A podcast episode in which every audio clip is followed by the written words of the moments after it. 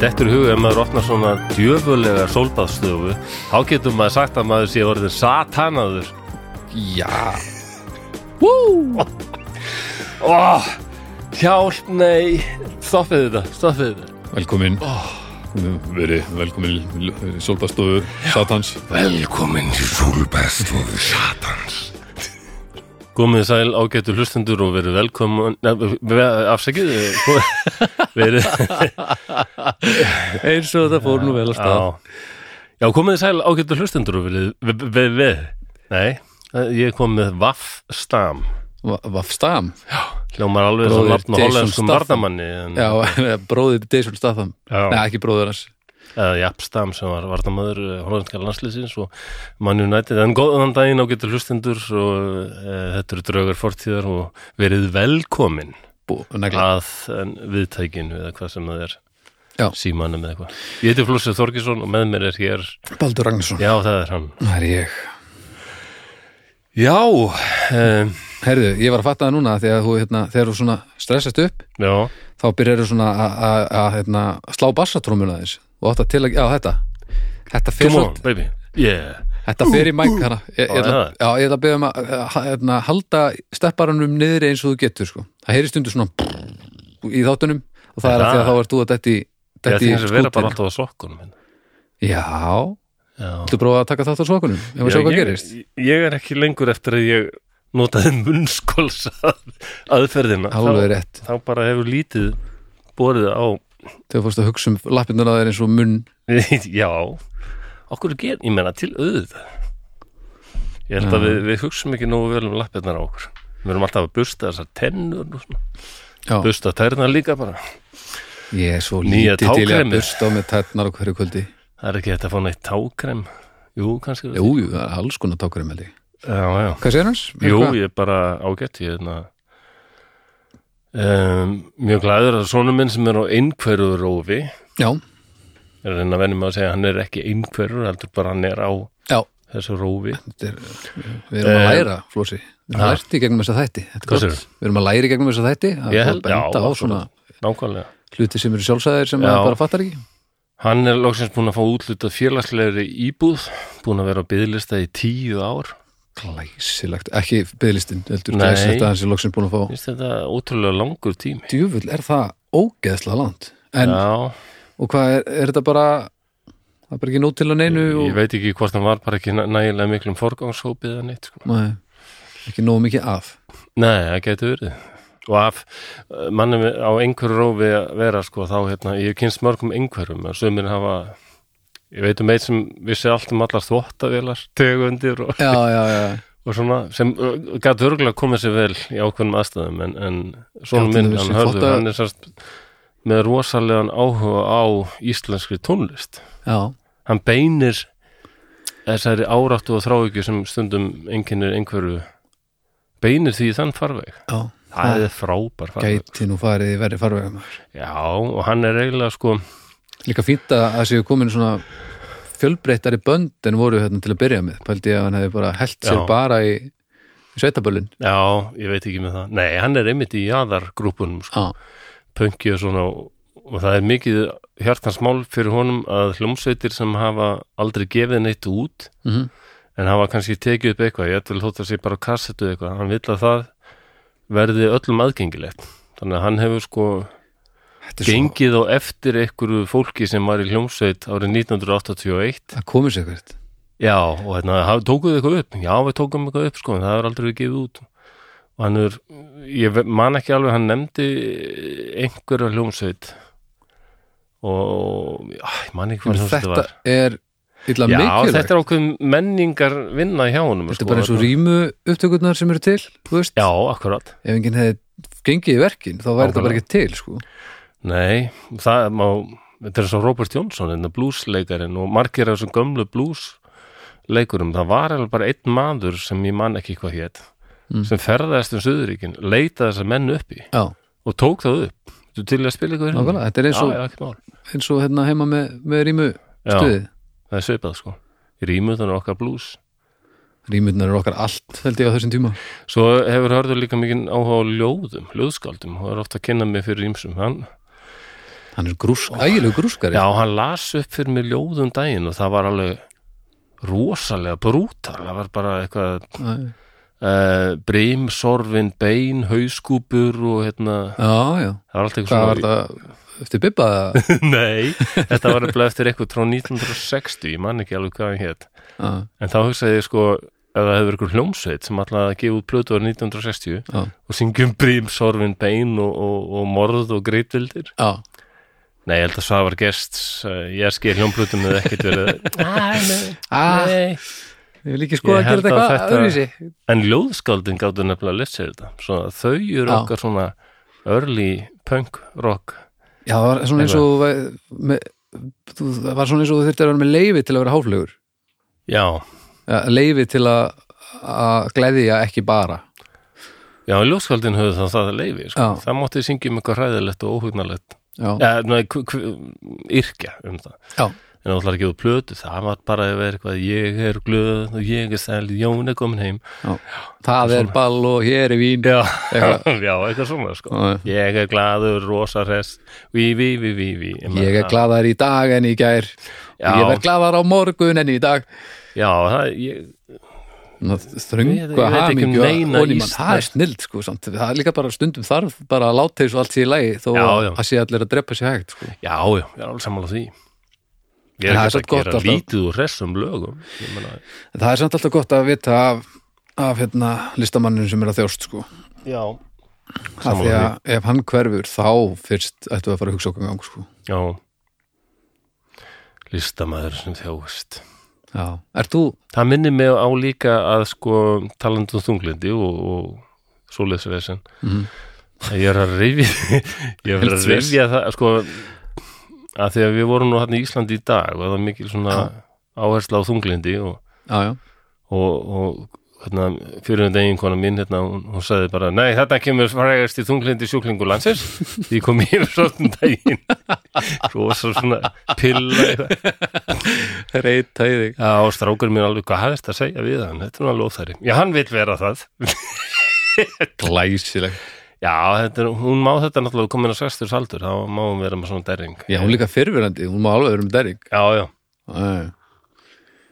en hérna Ísland um, dag ég, ég ætlaði að listamanninn? mæla með bók Ok, og það er talandum um, það er nú margir svona erfiðir geðsúdómar en hérna það er alltaf eitthvað fyllt þunglindi Mhm. einmitt að vera hinn þjáði listamaður þjáður og þunglindi, heimsbyggingarnir allir með já, þunglindi og svona. hugsuðir já, svona það er eins og ef fólk verið ákveðið gáða eins og tala um þegar fólk verið yfir ákveðið að grinda Já. þessu tölu þá er eins og þú fattir hvað þetta er allt hellað og einu svona hitti ég mann sem kom stundum upp á klepp Mm. á dagdeldina þar hann var ekki innilegjandi en bara kom stundum það var eitthvað fundur hjá geðhjálp eða eitthvað svo liðs Mm.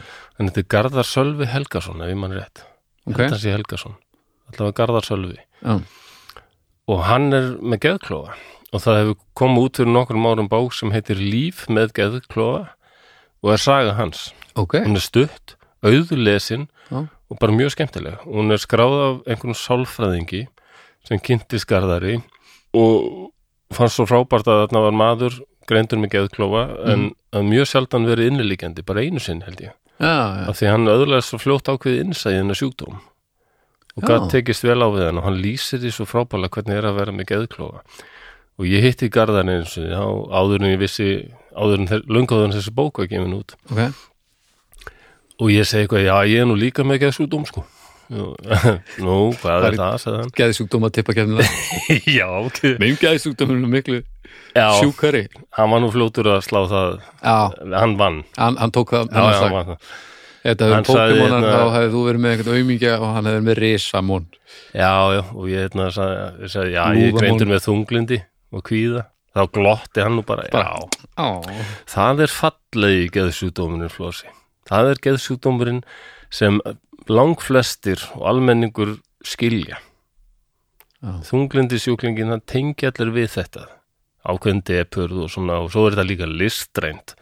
Og hann sagði með þetta ljóðskáld og, og tónskáld og heimspekingar og svona það er, málarar, allir hafa þjáðstæð okkur um svona þu- þunglindi, það er svo, það er svo flott eitthvað mm, í verkum Edvards Munk eða eitthvað svo leiðis já, en, listmálarar þá eða bara Já. fjóruðum fyrir einhverju blokk Eða- nei, listmálarar Já, held já. ég. Það er- þetta Þunglindir er öðruvísi húsamál- þunglindir örugglega. Eh, þunglindir húsamálarar fá ekki mikið Nei, það er ekki nógu mikið töff. bakkup Nei, um það maður bætur því Þetta er verðum að við köllum á vittundavakningu Þunglindi húsamálarinn getur nú verið alveg Ég var til í að sjá þá mynd Ég var allavega til í að heyra þann drauga þátt líka Já, þung- um þunglinda húsamálar Getur tekið fyrir kannski húsamálara sjúkdómin Þeir notuðu alltaf svo mikið mikil eiturefni þannig að þeir urðu yfirleitt geðveikir miklu, mjög fljótt Já, það er eitthvað, já, það er eitthvað það er eitthvað sko. en svo sagði Garðar en já, það- þannig að þunglindir alveg í fyrsta sæti sko. nummer tvö Í svona vinsaldakefni já, geðsjúkdóma, já. einmitt. og nummer tvö kannski Ja, og manjó eitthvað depression sagði, hann, sko. það er erfiðari sjúkdómar, fólk er pinkur hættari við hann Hvers eru? uh, manjó depression, geð kvörf Já, já, já, meiri breytingar en það fólk er oft svona það kemur hlutum rosalega í verk það er með svona smá manju og og- og svo þegar það er í mannið þá er það oft rosalega rest og skemmtilegt og, Já. hérna, og bara fer á barinn og, og býður öllum Já, já, já, og nýtur vinsalda meðan á því stendur sko akkurat og leiði svo vél og fer til Argentínu og kaupir 80 ískópa eða eitthvað og hann, ég, já, já Daldi brjálæði svona. Er það einhvers sem þú þekkir eða? Nei, nei, ég, ég, ég hef heyrt svakalega sögur af fólki í manniðu, sko. Ég, Það er bara manniðin svo geteldin, þá ótrúlega- kom inn maður sem hafði, sko, hann var búin að kaupa þrjá bíla eitthvað í sömu vikunni.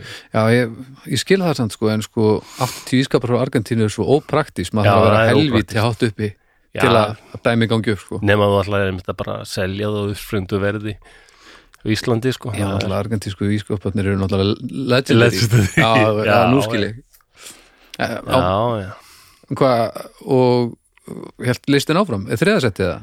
Já, svo, svo kemur að okkur í geðklofa sjúklingum, sagði. Já, það finnst engum þetta romantist eða eitthvað fallegu sjúdómar það er allir skítrættir við okkur sagði hann bara. já er það ekki bara og því að það sjá allir bara morðingja og brjálæðingja sem Já, er já. skýtsofrenn og Það er hérna. óbúslega mikið búið að ala fólk upp á því að, að, að þessi óstabili heitt sé alltaf ill sko ég man að ég, ég bent honum þá á að það væri, nú- hefur nú komið út mynd með Russell Crowe sem fjallaði um mann með geðklofa Já, þarna, A Beautiful Mind, ég hef ekki síðan að sjálfur nei en hann saði ekki síðan að heldur en, en var nú skeptiskur á það að Hollywood fær að gefa eitthvað raunsanna lýsingu af Já, Ég sakna þess mest samt að að vinna á geðdil, ég sakna þessara sjúklinga mest fólk með ge- geðklofa Ah. það var eitthvað, mér finnst bara þessi sjúkdóms áhugaverður, hann er líka hræðilegur, hann er alveg bara Ah. óðalegur sko. en það var oft ofsalega margir finnst mér sem ég kynntist með geðklofa, með áhugaverðar persón já, og hérna, ég þekki mér finnst svo engan. ofsalega oft eins og þetta leiðist ekki síst á vel gefið og gáðað fólk ég, er bara, það er Já. kannski ruggli mér en hérna já, já, Ég þekki ekki margar sko og ég get að vissuliti Svo sem tengt við leiðilegt. þetta sko að, eh, þú þekki kannski paranói lítið en ég er svona fundið fyrir allskis paranói og í svona vestað þunglindun svona eh, hamfara hugsanir eitthvað bara, Í alvörinni? já, og dreima Mm, Næs, ég elska hamfarir, ég elska heimsenda Já, bara svona, maður missa sér hugsanur um að, að börnin manns væru bara dáin og það veri allt Já, hræðilegt ok, hann eitthvað kannski svona. fullmorbid Ég, Já, er nú bara, ég eitthvað er bara til svona. lofstein sko og ég get alveg margvaldað, margvaldað þessar hugsanir með 100 eða, jætul, eða 500 eitthvað Mm. þá er maður alveg komið með svona geðklofa, þetta er bara orðið svo rosalega Já. stert og, hérna, Herðu það því þú varst að tala um og rattir og varst að svona tala um börn og dauða og svona við erum að fara á leikskólan í gæri, ég og Lilja og förum út á plan og hérna, hún er alveg passa sig á því að fara ekki út á götu sko en hún er að hlaupa á dýra, þetta er á bílaplaninu og það er sem sagt önnur fjölskylda sem býr í sama húsi og við og ég sagði við hana, þetta er, hérna er eiginlega vegur sko, þau geta það niðri komið heim og, og kert hérna upp og þá þá geti, væri- þú bara verið fyrir þegar bíllinn kemur og, og Ó. kannski sjáðu þau ekki og þá sagði hún, og við höfum ekkert átt neitt svona tal sko já, mynd, þá myndi bíllinn keira á mig ég sagði já og skemma mig, Æ, ég sagði já og þá fengi enginn að hitta mig aftur vá og ég bara, nei og svo kom hún til mín og bara svona tók ég endurnum og sagði pappi, þú eru að passa það líka svo bíllinn skemmiði ekki Ég bara, Ó, og bara þetta orða Já, bara að, að maður skemmist, það er svo fyndið sko já, já en svo bara er maður með þúsi spurningar bara, ég hef ekkert verið að taka dauðatæli hún er tvekju háls, ég meina hvað ætlaði nú bara En, Bíða þangað en, til- en þetta hljómaldaldi eins og hún sé farin að átta sig á því að Ég- Hvernig ég- þetta e- já, allt þú veist, einhvers staðar endar. eitthvað, já, en Þú veist eina það. örugar staðrindinum lífið er sú að við munum öll degi já, veist, Það er ég bara ætlaði bara ekki láta keira það ef að mitt en hún fór í dúllulegt morbid Já. alveg bara eittur og bingo sko. djöðlega erum við búin að tala núna við skulum tala Tala- Við aðeins um vorum að tala rosa lengi já, ég veit það ekki alveg, sko, ekki að skipta öllu máli en, En en Við vorum að tala um alveg merkilega hluti og já, mjög merkilega hluti þetta geði ekki og... en já, ég var í- alveg til í að þekkja einhvern vel Já, einhvern mann sem heitir Eiríkur kannski og er geðvíkur og getur kallað hann geðveiki Nei wow, veistu búin að setja að leggja þessu Nei, ég sverð, af hverju segir þetta alltaf? ég held bara alltaf að þú komir undirbúin en þetta virðist vera alveg Þetta náttúrulega poppar bara, þetta er bara eins og lesa aftur á bak Þetta er eitthvað bara- svona fimmur að djöfull alltaf sem býður, sé, bara býður þetta kemur tækifæri, bling Þetta er semst ennit karakterinn Já, ég við held bókasrapskonuna og Já, ég held það, alla hérna hana fimmur að djöfull sko. Fimmur og djöfullin geðveiki Já, já, ef ykkur er ykkur hérna úti og er haldin geðveiki þá getur þú kallaði geðveiki Já, já, ok, ok, ok, Hann hefur bóttið aldrei hérta áður líka nei, líklega ekki Nei. En heyrðu, ef að hérna, tala um nokkra hluti Hljóðkirkjan, sex þættir í viku uh, á virkum dögum eh, alls konar þættir hitt og þetta, besta platan, músík kokkaflag, matur og svo leiðis Mhm. Nei, þetta er nú alveg spurningaþáttur uh, á 50 dögum er að snæpi talaðu fólk og á mánudum er að dómstægur Já, og þetta er, þetta er fjölbreytt og, og skemmtilegt já, Þannig að ég er búin að hlust- hlusta þóldi á domstag, ég hef svona tekið smá skurki því þið- já, hvernig Þetta er nú bara skemmtilegt, en það, ég held að Já. það hjálpi mér að ég þekki ykkur þrjá, þarna, e, e, Já. ekkert, okkur allir, ekkert, ekkert, hann, hann ekkert vinur ekkert og, og haug og þig og þið eru með, e, svona, þú ert ekki byrjað, að- þú ert ekki búin að heyra Byrnu með okkur nei, ég hef aldrei Nei, hlustað þátt það- með þú verður Birnu, að það tékka er því. bara skammast Birna er- að segja frá því. hún er alveg hilli hilja Já. að fyndin sko. Ég man ég gerði svona mental note þegar einhver sagði mér að, að Birnu tækist þátt að gera haug, daldi svona Já. vandræð. nei, tækist, hún er búin að mastera það á Ó, eins skömmum það verð ég tíma og náttúrulega að hægt er. heyra. nei, menn, það, er með- það er með ólíkittum hvað hún er góð í Já, Það er alltaf ekkert en skemmtilegt. Nei. en þið getur tekað þessum þáttum Já, bara já. á öllum veitum Já, þegar ég hlusta á þáttin þar sem þú komst með þarna helbriðstarsfólkið okkar. já, tíu Það var náði, æðislegt. þetta voru brjálaður Já, það var hæstiréttur, þá mættu við, öll Já, það er með, svoleiðis. mættu við með Nei, jú, það var, þá mættu allir með málefni sem áttu Já. á sem flestar stjórnur sko. ég eru er nokkur þema þættir. helbriðstarsmaður en ég, mér finnst ég ekkert vera helbriðstarsmaður en þinn. Það- Nei, nei, þetta ég kann þetta var ekki nú við þann ekkert- titil. Þetta var brjálæður, það Já. sögð á honum sko. Já, En, eh, merkilega reyður alveg.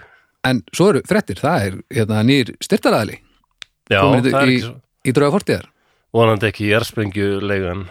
Ég springi, lega uh, Jónatans eða hvað hann var Nei, þú sagði mér reyndar. Það er verslun sem ég get alveg augljóslega mælt með. Já, þetta er verslun sem við höfum báðir uh, verslað mikið við, það er, Já. það er bónus Þetta er nefnilega bónus sem að Það fara þarf að nú ekki- styðja drauga fortíðar. það þarf nú ekki að kynna bónus svona fyrir landanum held ég, ég Nei, held ég að- hugsaði mitt hérna hvernig auglýsum við bónus Já, já.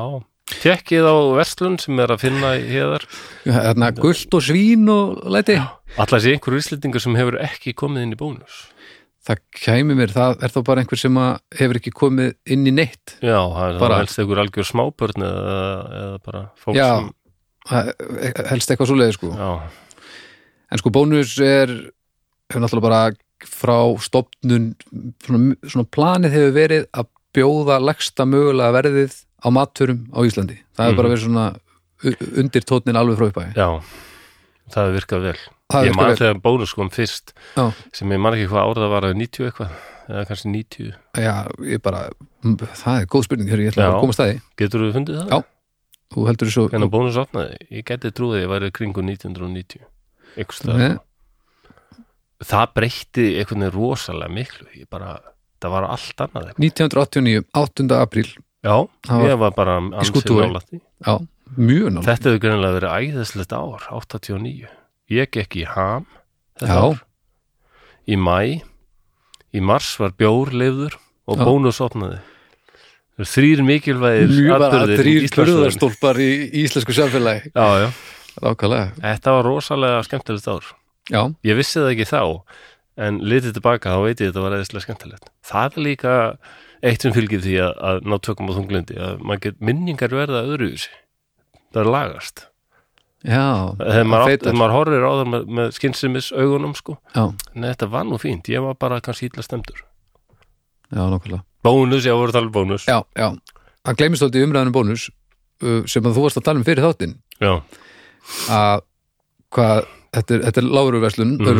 og þá náttúrulega er bara skorið niður í, í hillum og svo leiðis, bara nota gott ótt en, en ódýrt og, og bara ha- allt haft skilvirt annars er hægt að halda verðum niðri mm og svona búðir út í heimi þær eru allar svo ógeðslega, ógeðslega já ég myndist að ég var sérstaklega einn búð þarna í Danmörku þegar sem ég bjó, sko. Já, Og í samanbyrðunum það er bónus bara alveg, bara nefnilega eftir því sem að fínasta verslun, sko. eftir því sem maður ferðast meira þá fattar maður hvað Já. er vel að þessu staði hérna því að, að því að ef að þetta væri í held í meðaltalun á heimsvísu þá þyrftur að mæta með skóplu í búðuna og bara Já, og, já. og va, svona ennis vasaljós og vera við öllu búin Ég held að, ég gæti alveg þólað að bónus væri svona grófari kannski. Svona en náma, bara kannski, næstu Já, í. líku, ég veist segi það ekki. ég nenn ekki að fara í Nei, nei. bólusetningu og það er að fara í búðuna sko. Nei, bara við einhverju nei, nei. Já. en Já, já. uh, við fögnum því að bónus er það er frábært. komið í slægin takk fyrir það og, og hérna og, og þeir náttúrulega farið bara í bólus bara Já, eins og, kíkið í eins og bólus. landsmenn hafa gert Um- Það er þetta að fá alveg áraraðir. kartöflur og ís og alls konar. kartöflur og ís Já, já. ég man það til að fara í, í búðuna og, og kaupa kartöflur og ís og ekkert annað að setja á Akkur gerir til ís með kartöflubræði, ég skil það ekki. Nei.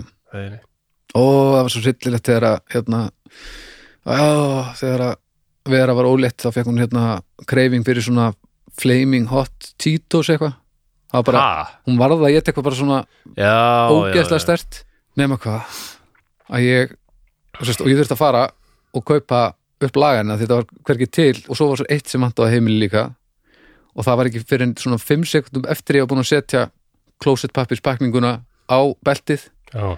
þegar ég fattaði hvernig þetta leit út ég var náttúrulega bara með 15 póka af einhverju ekstra sterku snakki Já. og svo klósettpappisrúlurnar á eftir ég leit bara og svo var ég bara á það bara, nei, nei, nei, nei, nei, nei. Ó, já, þetta er Fekk bara fallegt svona- maður.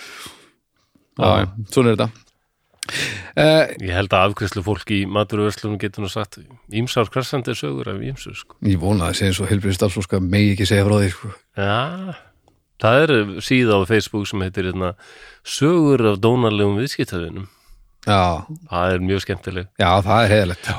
Svo hefur ég endilega að benda þér á æðislega Facebook síðu. Ég held ég hef nú gert það um daginn, þú svaraðir ekki. Ha? Það er úlít mér Sannar íslenskar draugarsögur. Rosalega sá ég fyrir mér að þú myndir lesa allt þar og verða brjálað. Sko, ég, ég opnaði linkin Ég brálaðist E, náttúrulega Já, er það ekki? Ég vissi en, það. en hún er lokuð, ég gæti ekki fengið að sjá neitt Að þú verður að ganga í hana. Já, Já, gangi í söfniðin já, Er þetta á þeirra bætt í söfniðinu? já. Nei, nei, ég meina drauga sögur er allt í lagi svo leiki sem að fólk Er, er þetta svona, nei, er þetta raundraugasögur? Já, Er þetta ég þetta hitti er sannar íslenskar draugarsögur. sannar, Já. ég hitti draug Já, þetta er ekkert, já, neða, þetta er bara fólk er að spyrja hérna, já, mér langar að vita hvort að, hérna, til þess að vera einn sem spyrðum daginn, eh, mér langar að vita hvort einhver kannast við eitthvað hérna á Kongabakka 8. Nei, nei, nei, nei, nei, ég, bjóð nei, nei, nei, nei. Þar, ég bjóð þar fyrir 12 árum og það var eitthvað undarlegt. Það- Og svo kemur fullt af fólki sem svarar, næ, Nei. ég bjóð nú í hérna 30 og það var eitthvað þar. og bara þessi drassunum brjólaði. Nei Þetta er æðisleg síða. sko. Það voru svo margir í þeirri ég, grúpu ég gerir mig grein fyrir að þetta hljómar eins og ég sé að gera grein að þessu og, en ég hef í alveg talað gaman að þessu, ég er ekki með trúaður á það en það hef ég aldrei upplifað draugasögur, en mér finnst þetta rosa heillandi fyrirbrið er, er þetta skemmtilegur félagskapur er stemmarinn góður hann Ah. inni Æja að því að ef, að, þetta er, ef þetta er fínt þá get ég ekki komið í grúpuna Þetta er ekki, að því að ég mun ekki ég mun ekki bæta stemmaran nei ég fór eitthvað fyrst að vera svona skeptíker hérna og ég fann að það var ekki tekið vel í það ég saði bara eitthvað, Já, ok, þá ætla ég ekki að að joina þessa grúpu að því að ef fólk er bara að að hafa stuði í sammeilög áhugamáli þó að Já. sé ekki til er bara frábært já og, ég þetta ætla er ekki að alveg fara, aldrei þannig og ég ætla ekki að fara að skemma það Æ, og ég já. mun gera Já, það ef ég, ef ég, ég fer held að þú myndir gera það það er bara, Þú ég gætir get ekki annað. Mér þess að ég fann löngu til að gera það og þá myndið þú finna tvífalda já, þá löngun held ég Hva? getur verið að við búið hundur hérna í þessu húsi einhvern tíma niður það var fórtís næstu því það er alltaf eitthvað gælt á nætuna Hvað segirðu? Uh, Bríó, Bríó hefur nú verið með okkur í lengri tíma og það er dásanlegt, Bríó og Borg Brukus en uh, ég er með í ískapnum svolítið fyrir okkur Nú? Já, það er special edition og fengur Þorrabjór Nei, hvað? Já, vinnur Æðislegt Það var gott hjá mér að ko- ég náði að halda í leindu fyrir þér, ég ætla að ná í þetta Er þetta spennandi? Nú rúlar teipið ennþá meðan þú ert að fara þarna fram og ég sitja hérna einn og þarf að sitja undir því að halda uppi heilu hlaðvarpi. Aðleitt, um Baldur er farinn og hann leitar í ískáp og ef þekki hann rétt, þá finnur hann alls ekki það sem hann leitar að. Hann kemur tilbaka með smjör. Já, allar sé ykkur fytugur maður sem heitir Jörundur og er oft kallaður smjörundur. Það væri nú mikið undur, jörundur. Farðu nú að koma með þetta. Ég get ekki bladrað hérna aðleitt. Endalöst. Ég ætla að þegja. Já, hann er komin með Þorrabjórin ég með lestrarglerun, hann ég sé ekki vel á hann. Hrímur. Þrímur. Hann er svona blágráum lit mjög flottur litur nei, hann er svartur og hann heitir vá, hann heitir Rímur áfengislaus taðreikt öl Ó já, þetta gerist ekki íslenskara þetta nefnilega er alveg snildalegt Hrímur kemur að austan á þorranum eins og völvan spáði. Hann er rauð eyður, en það er bara út af reiknum. Já, já, já, þetta, vá, maður. Ég held að við skulum bara Ég veit ekkert hvernig hann er, ég er ekki búin að prófa neitt Það er íslenskt vatn, maltað bygg, humlar og ger. mm -hmm. rimslægið komið það stendur tæðreikt öl á, á hinni hliðin er þetta á ensku stendur smoked ale þetta hlýtur að vera alveg frábært með hákarlinu ég gerði nú svo hræðileg mistök senast þegar ég fór í búð að Új, kaupa hákarla Fyrir ekki? ég, gerði, ég kefti villust og kefti lákarl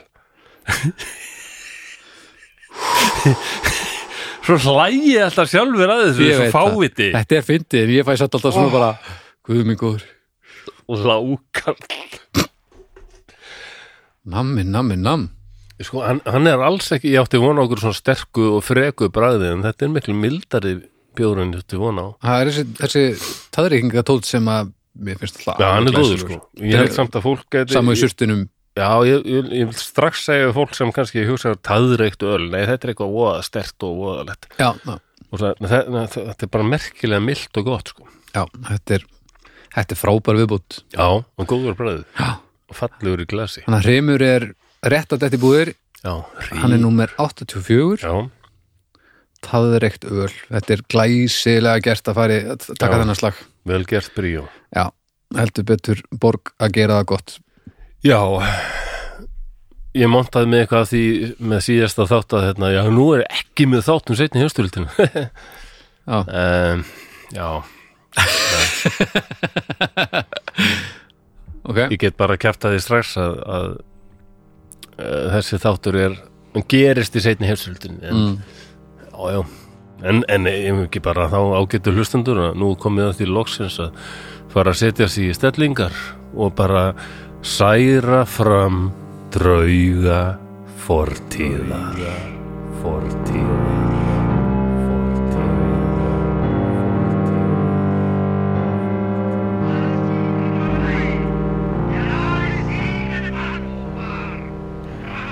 Þrítuasti janúar 1945 Klukkan er einhverstaðan á milli hálf nýju til nýju um kvöld Í kallkerfi skipsins er verið að útvarpa ræðu fóringjans Æ, það er erfitt að einblýna á intakræðunar. Orð hans hafa minni áhrif á okkur nú en fyrir nokkrum árum síðan. Við vitum öll að þessu er lokið. Þýskaland hefur tapað og reyði óvinarins er ægileg, sérstaklega sovjetmanna. Þeir eiga harmað hefna og herir þeirra eru fullir haturs og heiftar. Hjá þeim mætum við engum skilningi eða miskun. Allir um borð hafa heyrt hvernig fór fyrir bænum Nemmerstorf í östu Þýskalandi. Sovjetmenninni hlýfðu engum. Þar voru jættvel franskir og belgískir stríðsfangar en einnig þeir voru brytjaði niður. Öllum konum nöðgað, síðan myrtar á róttalegan hátt. Hermennir eittu ekki skotfærum, en murkuðu fólk niður með skóplum og byssuskeftninu. Margir karlmenn voru neldir á veggi hlöðu nokkurar, pyntaðir síðan myrtir. Skiljanlega hefur því enginn hér um borð minnsta áhuga á því að leita á náðir sovjerska hersins. En það er lítið um hjálp. Allir vagnar eða skip eru enn notuð í þessari tilgangslösu herðferð gegn Sovjetríkjunum og bandamönnum. Það eina góða við það er mögulega að það gefi okkur hinum tíma til að flýja. Við vorum heppin að komast um borð í skipið. Mörg hundruð þúsund manns náðu því ekki og býða enn annað hvort í baltnesku löndunum, Pólandi eða austu Þýskalandi. Allir er á flóta.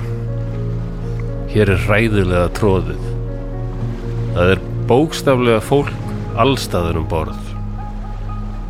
Mörg þúsund manns, margar konur og börn.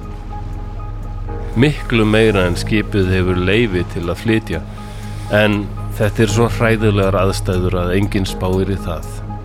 Við viljum bara flýja. Ég þrái aðeins að sjá foreldra mína og sískinni í Þýskalandi. Ég vona að þessu stríði ljúki brátt. Ég segi það ekki upphátt. En ég vona líka að röddin sem bladrar nú í kartkerfinu þagni fljótlega fyrir fullt og allt. Fóringin hefur ekki reynst sá bjargvættur sem við heldum að hann væri. Þvert á móti hefur hann leitt Þýskalandin á braut glötunar og eyðileggingar. Ég er út á dekki. Það er ískalt. Hittast í þeim mínus 18 gráður og Celsius og mikil snjókoma. Hér eru nokkri særðir hermenn sem stinja, börn gráta. Það er svarta myrkur svo ég sé ekki herskipin sem átt að fylgja okkur. Sofiskir kafbátar gætu lengst hér í myrkrinu. Svo að þýski flotin sagðist alltaf sjá okkur fyrir vörnum, en sumir segja að það sé líi. Það séu einungis tveir til þrýr tunduskeita bátar sem fylgir skipinu. Ég vona svo innilega að það sé ekki rétt. Við erum langt frá ströndinni og nokkur ljós loga á skipinu. Einn í áhöfninu sagði að við gætum ekki verið of nálægt ströndinni því þar væru tundutum. Hann sagði líka að soviskir kafbátar væru gamaldags og áhafnir þeirra svo illa þjálfaðar að þeir gætu ekki gert árásum miðjanótt. Ég er nú ekki oftrúaðar á það. Það hljómar of mikið eins og þessi gengdarlösi áróður sem við höfum heyrt um sovjiska herin. Hann sé skipaður óreindum mönnum og stór hluti séu villumennað austan sem geti hvorki lesirni skrifað og varla handleikið byssu. Ha. Ef svo er, hví erum við þá að flóta undan þeim? Skipið virðist sigla svo löturhægt. Mikið vildi ég að það myndi gefa í en líklega veit skipstjórin betur en ég hvernig ég á að sigla því. Ég er bara gladur yfir að vera á heimleið. Geta faðmað mömmu og ný. Skyndilega heyrist ægilegur háaði. Allir á dekkinu kastast til. Ég hendist ofan á særðan Hermann sem æpur upp.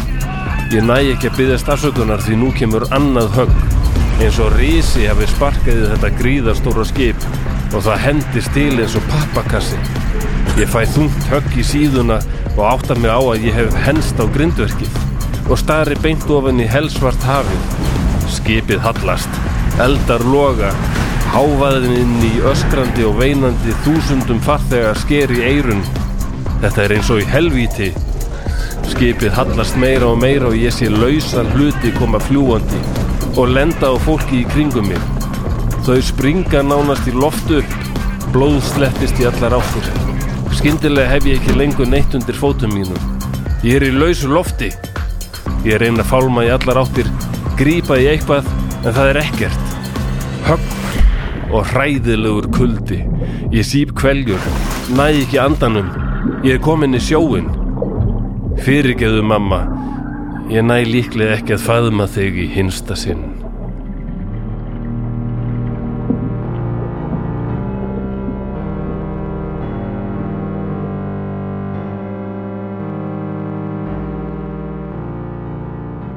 Já, þá er þessum lestri lokið, Baldur minn, og við skulum koma aftur frá sæningunni og þú horfir íbyggin á mig og... Ves Ha, já, viss. Hefur ykkur humd um hvað ég er að fara að tala um núna? hérna?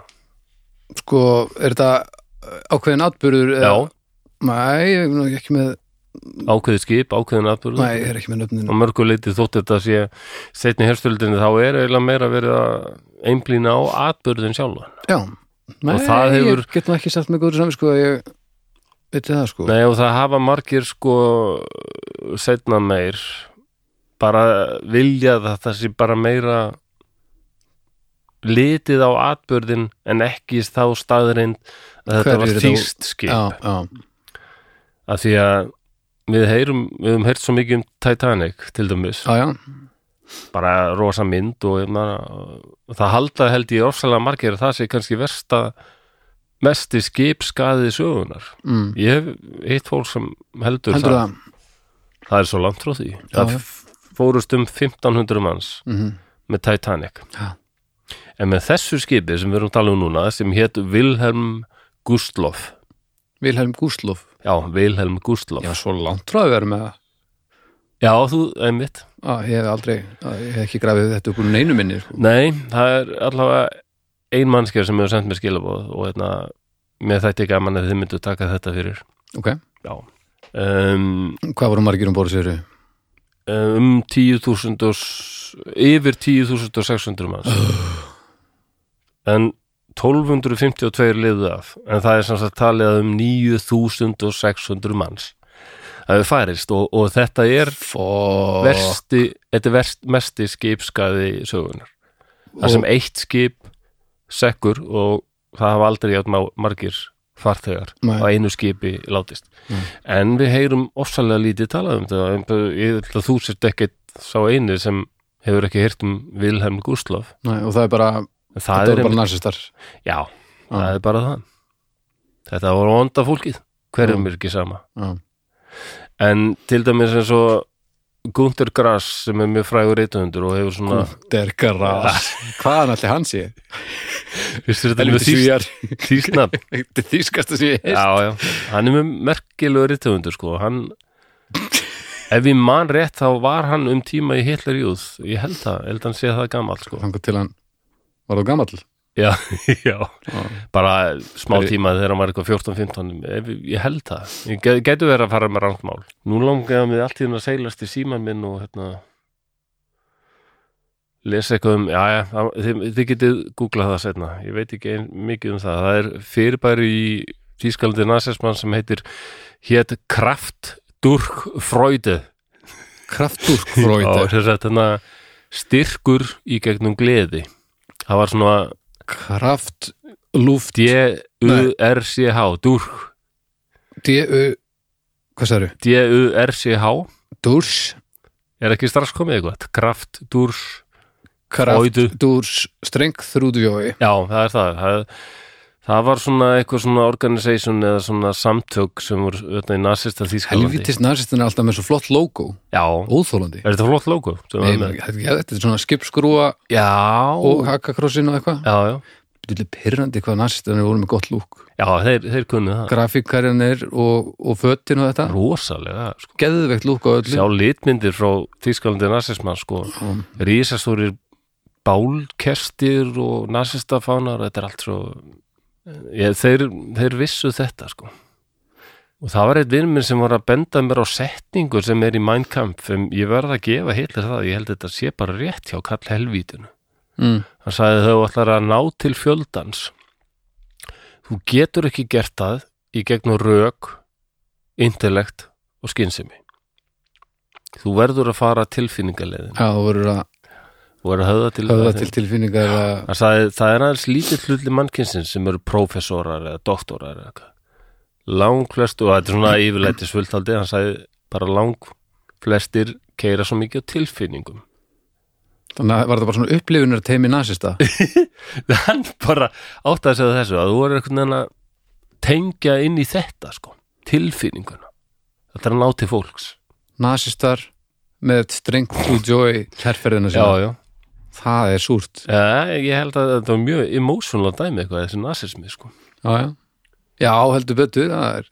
og sko þetta, já, þetta var svona verið að, þetta var bara basically svona túr, þetta var bara svona já, fá fólk með sér í lið, með Ég það ekki? einhverjum pælingum Já. Þú veist, þetta, þetta var er, alveg heil samtök sem unni í þessu og hérna, þetta skip var hannað sem skemmtiverðarskip eitt stærsta verkefnið hjá þessu batteri og allinins bjallan þú veist, bíll fólksins já, já, akkurat, Volkswagen bjallan, já, já, það tengdist þessu verkefni já, svona, það var svona eitt stærsta prógramið Já. samkvæmt, samkvæmt Wikipedia og Wikipedia finnum ekki að ljúga mér núna það, er, þekkist svo hérna, lengi. það er hús á ströndu Eistarasalts eða hús, risastór bygging sem er held ég lengsta bygging í fyrir utan kannski Kínamúrinu eða eitthvað, en mm. lengsta svona íbúðarbygging heiti Prora, yfirleitt kallað Prora er á ströndu Eistarasalts ok, og þetta er alveg, ég man ekki hvað þetta er margir kílómetrar á lengt, en þetta var byggt sem sko fyrir allsíðuna svona sumarbúðir sem nasistar voru með ekki sumarbúðir heldur svona um, eða svona sumarfrís verkefni eitthvað þetta áttu alveg þúsundir að geta komið fengið íbúð og, og, og það voru með, hún var með svölum ok og þú átt að ge- átt- áttir að geta gengið síðan beint út á baðströnd sko. já, og þetta er hérna ennþá ekki stöðar ok og var nú lengi í niðurnýðslu en hérna, hefur eitthvað verið nýtt síðan mér er oft langað að sjá þetta sko. Og er þetta sem sagt bara eh, eitt af því sem að hendi? já, þetta er svona svart Ég fór hérna, afleiðing narsismans, þetta var, það var margt svona einmitt, fyrir alltíðuna eins og eins og segir bíl alltíðunar og svona, það var ímislegt svona ég gerði með ferð næstu því, hérna, só- þetta var náttúrulega national socialismi sko. Já, ég gerði með ferð síðast þegar ég var í Berlín og fór hérna í Tempelhof já, á já. Tempelhof flugvöllin, Já. það er búið að loka honum sem flugvöllin já, þetta er Hvað er garður, það núna? alminnsgarður sko ha, alminnsgarður, nú, ok risa stórt svæði alveg hjút svæði og stærðin á þessu Þetta er var- flugvöllur sem núna orðin almenningskar Sérstu, allt flugvallarsvæði er, er hérna alminnsgarður og svo hvort þetta er sapn eða eitthvað Já, núna, ég man ekki já, en allavega þetta átti basically að þetta var svona upphafið af þessari sturlunar þessu sturlunar planið, það sem átti alltaf að vera ri- að stærst og, og, og Já. best og, og þetta var svona eina skilsmi sem að var komið í verk sko, a, að klára hann að flugull já, af Germania planinu sko. já Einmitt Það er alveg þetta að fara á um, er söfni í Þýskalandi sem eru með svona miniatúr myndir af ymsum verkefnum sem sem Hitler var og að spenntu fyrir sko, hann meiri sem undir lókstríðsins á eittan oft löngum tíma með Albert Speer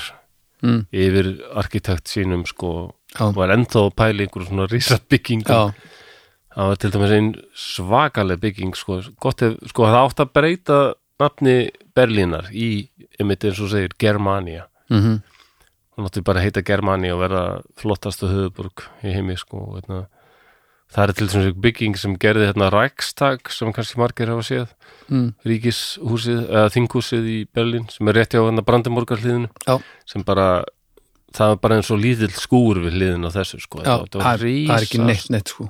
risastór bygging með einhverjum svona kóltæki og já ótrúlegar pælingar sko. Herðu, ég man núna hvernig var verið að nota flugullin þegar við vorum hann Já, þetta var, það var verið að nota undir flóttafólki, það var flóttamannabúðir já þetta ok. var, við höfum verið þarna 2015 örugglega Já. þá. Einmitt þau var orsalega mikill Já. Já, þetta var ó- ótrúlega skrítið að koma þarna stærðin á þessu var bara já með ólíkinnum Tempelhof hann var notaður lengi sem flugvöldlar sko. já, En já. um, já áfram veginn já já, Vilhelm Gustloff um, þetta er rosalegur fjöldi sko. já, þetta er ekki smá margir maður um, klukkan nýju þá einmitt um nýju um kvöldið mm þá eru þrjú sovjersk tundurskiti frá kafbátnum S-13 sem hitta skiti, skipið ok, og segja þér hvað þessi tundurskiti hétu ha, já, þeir skrifuðu alltaf á tundurskitin eitthvað ég veit ekki hvort þetta var almennt í, ég efast nú um það í, í stríðuna tundurskitin héti eitthvað uh, en sovjetmennir allavega, þeir skrifuðu eitthvað svona á e, e, sko, hvað ekki jættulega endanlega nafn heldur sko já, ekki fyrir bara Magnús, hvað já, nei, Magnús tundurskiti já Nei, nei, þannig að fyrsta tundurskeytið hétt sem sagt fyrir móðurlandið ah, Já, hvernig er það á, á rúsnesku Jazabratsni Nei, ég veit það ekki fyrir Já, það er úrlega mjög flott en það er rúsneska indislega fallist já, glæsir tungumál er, Já, og það er Já, góð spurning Hví- the motherland Já, for the mother- For the motherland Mm.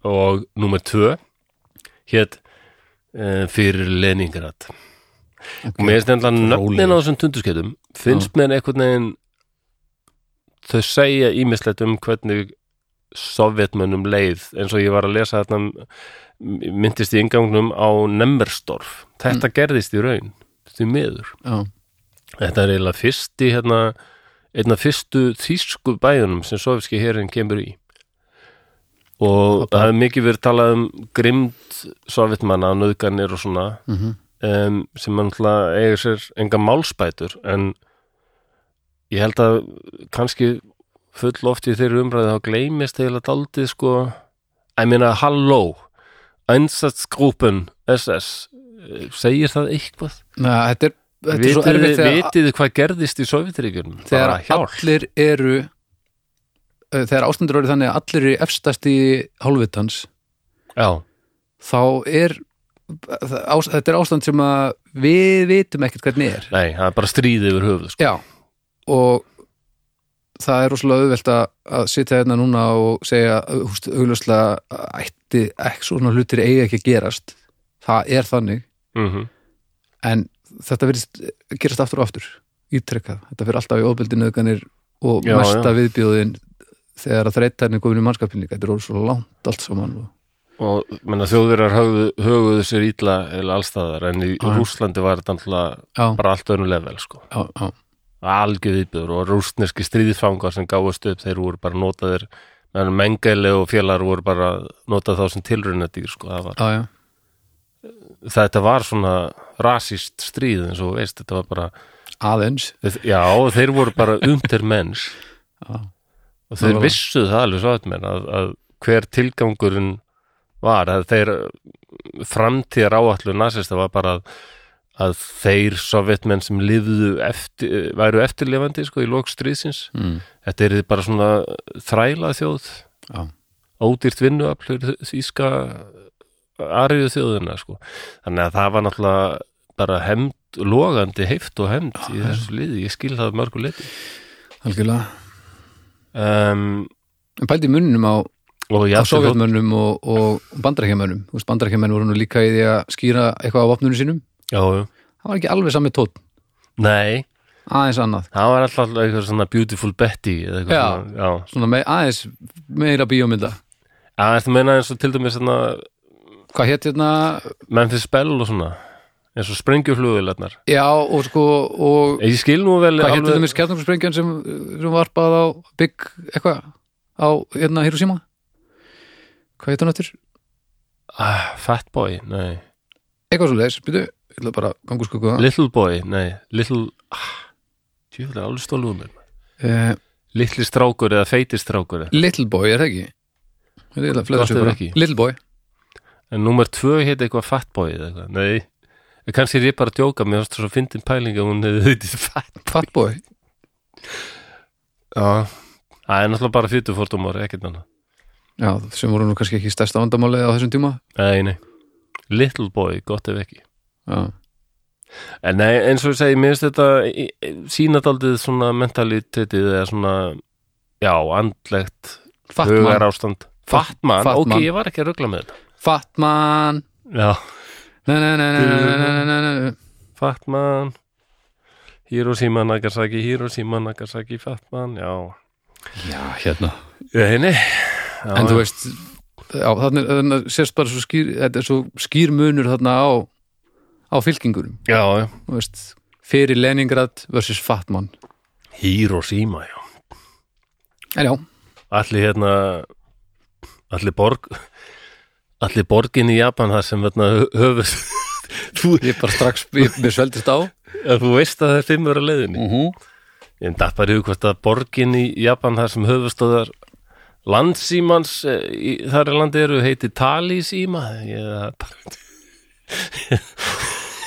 um Ó, guð Stopp, stoppið Já, það já, Stoppið hann strax Já, já, hvar Já. var ég? Já, tundurskeitin nummer tvö hétt fyrir Leningrad já, og nummer þrjú ok, hvað er með það hétt fyrir sovjarska alþýðu Rólegir, Já, fyrir móðurlandið, fyrir Leningrad og fyrir soviðska alþýðu. En hann, hann skipherran, hann Alexi, eh, hvað hétt hann? Jónatan Þormundsson? Nei, Alexander Marinesko, mm ekki alveg.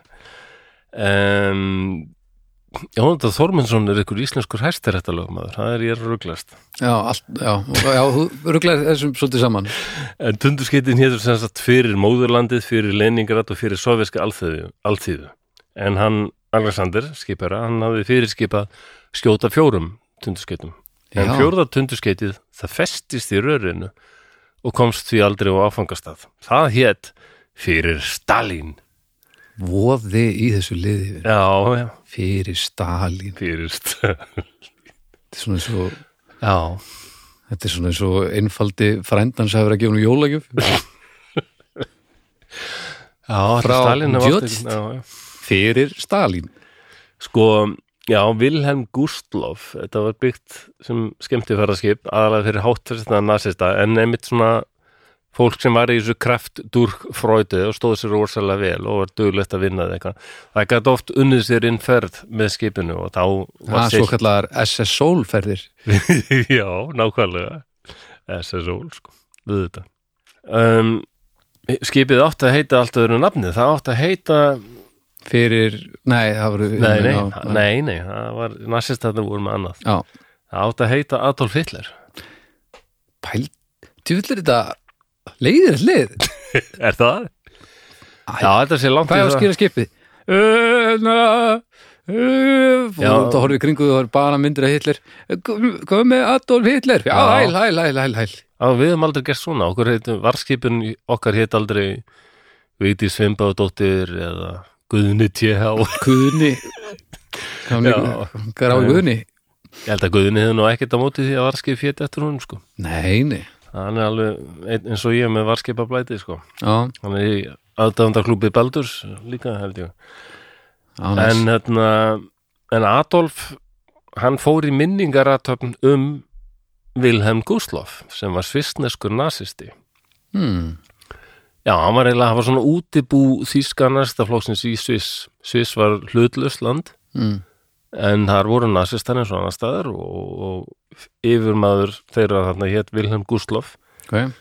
en Gustloff var myrtur hann var læknanemi sem bara vatt sér að honum og skautan til ólífis ok Og var það, Það er kannski að auka atriðan hafi verið læknanemi og meira atriðan var skýðingur. já, Já, já, já hann ok. var ekki, já, þetta þóttir að þess að náttúrulega varð Vilhelm Gustloff sjálfkrafa að hetju nasista, sko. já, já, já Píslarvottarnir Já, leinastu píslarvottar. við það sko Akkurat. Já. Og Adolf, hann Og sagði by að the hann fór way- í minningaratöfn um Vilhelm og, og hitti ekki Vilhelms og uh, var svo hrærður að hann ákvaða að skýra skipið frekar Vilhelm Gustloff. Já, Já, Pós, Já, svolítið pós hjá Adolf Já, Baldur er ekkit Alþýðu pós ekkit impressed að þessu já. Nei, og, og bæði vei, pant ekki verða píslarvottur Nei, Ég er svo ekki til í það nei Ég held að segja vesen Bara eitthvað Fyrir þorskinn Eitthvað Bara, nei, nei, nei, nei Já, fyrir þorskinn, það er frábært, mér líst vel á það já, ég er ekki til í að deyja fyrir kótan sko. Nei, kannski ekki sko. Deyja fyrir kvóta Þannig að bara ekki, kemur ekki til greina sko. Nei um, En þessi björgun almennra borgara frá Austu Þískalandi, Pólandi og hérna Baltnesku löndunum Mhm. þannig að það rauði herinn bara þegar hann náði sér á streik náttúrulega Já. og sneri barðunni sér í vil til dæmis við Stalingrad þannig áramótin 42-3 heimavelli, Já, þá bara heimalegur þá er bara þetta er rosalegt hvernig þeir gefast all ekki upp Nei. og hérna Tekur nú náast byggja upp hérna versmiður langt í austri sko og fara að framleiða bara vopn og enda fyrirskipanina voru nú ekki beint haldið í ykkur sko nei, nei, það var meira svona, haldið bara áfram að eilífu ég og veit ef ekki einhver hvort snýr að sér við, þá skjótið hann þó hann sé vinur ykkur ég held að þessari, þau vorum að mér myndi nú að það verið Varsjáður sem við löpum um, ekki Kraká, það getur vel verið við löpum líka eitthvað um Varsjáður já, við löpum alveg, slátt á En ég held, veit ég hvort þú komst með mér á hérna, stríðsminni safni, ég held ég að Jú. fyrir já, já. Sástu flugvélarnar þarna Já. og svona? Ah, já, já, já Þar var til dæmis vél sem ég ég var svona pingu starströkk stjörnustjörfur að sjá því ég hef oft spilað tölvuleikin Illusion 2 Sturmovik já, sem er rústneskur svona flughermir já, það er rústneskur leikur sko og er Mhm. bara einn vinsælt svona flug leikur söguna sko Mhm. og er aðalega gerist í aðalega vestuvístöðunum og þar er þessi fræga vel Sturmovík sem þjóðverjar hötuðu sko meiri Já. nokkuð hún var oft kallaður fljúandi skriðdrykja því að hann var svo er- hún var svo ossalega brinnvarin Mm. það var mjög erfitt að skjóta hana niður og hún gætt þólaðalega rosalega byssuskotrið og, og læti sko það er alltaf fyndið að fara með þeir á þessi söp já, og þegar við komum að einhverjum þú veist, komum að einhverjum hérna annarkvort einhverjum flugvél eða einhverjum, hvað heitir þetta? skriðdrykji Skriðir eitthvað, já, þá róðnaði þú í framann og varst bara já svona vandralegur og fó- svona lítill líðir eitthvað Það bara er eins svo og vera, skrítið að sjá þessi tól í bara eins og fyrsta vera að skipti. hitta bíber sko. það. Já, já, já. mjög fallegt En það er líka einhvern veginn bara um að sé, sé, maður er búin að lesa svo mikið um kannski einhver stríðstól og, og sjá þetta í tölvuleikjum og, og bíómyndum og svona. mm. En svo þú sérð bara alvöru, bara alveg efnið já, bara eins og ég man að ég kom á Imperial War Museum í Breitlandi sem Já. er magnaðsafn. já, Ég bara alveg gáttaður, sko, er þetta allt til? já. það er gott Og ég, ég- Hefur komið þangað? já, Það er rosasafn. já. ég Og- veit þegar ég var þar þá var hérna þema, svona gestasýning Nú, og við ætlum að fara út að borða á eitthvað og hérna ákvæm að kíkja á þessu sýningu það, hún hétt hérna glæpir gegn mannkyninu nöy. Það er skemmtilegt. við rölti gegnum hana og, og horfði á einhver vídeo og eitthvað, svo fór ég heim og svo Já, já. ég var ekki að fara að gera neitt það kvöldi Í bara, það er rosalegt. maður. það var bara að fara í gegnum svona það versta sem við komum fyrir Já, já. í bara hljóð og mynd og, og en frábær frábær sýning sko. Við fórum alltaf saman í Auschwitz, það var rosa lundalegt. já, það var svolítið spes Á, það var alveg, það var aldrei óðalegt, sko. Einmitt að sjá, koma þákað og og einmitt sjá Viðtaka bara, hefur þetta átt- er til, í- þetta, þetta er til í alvörinu, sko. ég man ekki töluna núna en ég fann held, ég hef aldrei fundið sterkar fyrir enni Killing Fields í Kambodíu Já, tölunar af fólki sem hafa dáið þar sem ég er akkurat núna og sástu þetta fræga tríði hérna. já, Já. tjús fucking ógeða maður Já, það er alveg sérstaklega viðbjörnslegt, sko. aftur að, herru, færum okkur, ég get ekki Nei, farið nei. þetta er alveg óðalegt sko Já, þetta er alveg óðalegt.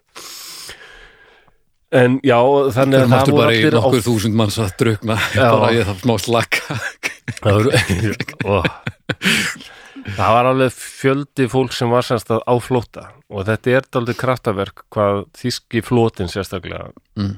laði þessu fram um að reyna að bjarga það er talað um 2-3 miljónum almennra borgara hafi verið bjargað undan rauða hernum sko já, og heiðurinn að því það er náttúrulega allt Adolf Hitler að þakka nei, alls ekki nei, Það er helst manni sem heitir Ka- hét Karl Dönitz og við erum að þýska flótans hann var nú alveg nasisti sko já, en ég held að hann hafa nú ekki verið algjör skítæll sko hann var bara svona alveg ég held við erum nasisti út af því að henda hann bara já, bara hann tók til dæmis sko þegar Hitler ákvaði að nefna eftirmann sinn og ákveða, ég er búin að ákveða að sjóta mig í hausinn en þið megið ekki gefast upp og ég ætla að tilefna þenni eftir mann Mm. það var ekki himleir, ekki göring eða, Þeir eru líka allir með blun já, já þeir, nei, nei, það var bara Karl Dönitz yfir maður þýska flótans Já, já og líklega vonaði stillir til þess að hann myndi berjast áfram En ég minna þá hefur hann nú verið þokkalur nasisti já, já, hann var það alveg sko alveg hæl og aktsung sko. jú,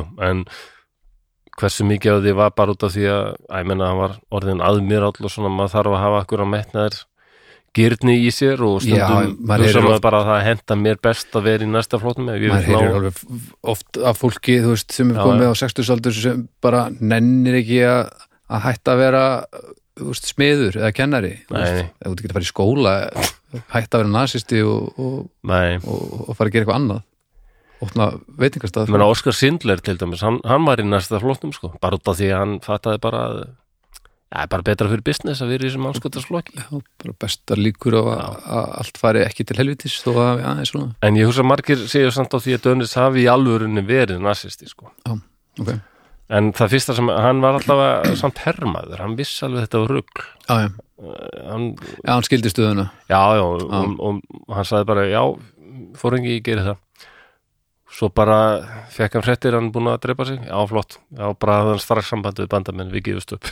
Já, Já, já, það var fyrsta sem hann gerði sko. já, skynsalegt Já, einmitt, ég held að það hafi verið skynsami maður Skynsami nasistinn, þráttur allt Já, og er hinn næstinir eitthvað "Eh, Þú er aumingi eitthvað Já, já, það er menna, Þetta er allt saman leikskóli eins og við töluðum um hérna, já, við töluðum um orðuna um kastalan hérna í Ölpunum Já, þá var náttúrulega Hitler búin að já, já, Það voru- vissu allir þetta búið, samt úr einhverja SS-sveitir hérna, skulum finna einhverja frakka hann og drepa þá. Til hvers?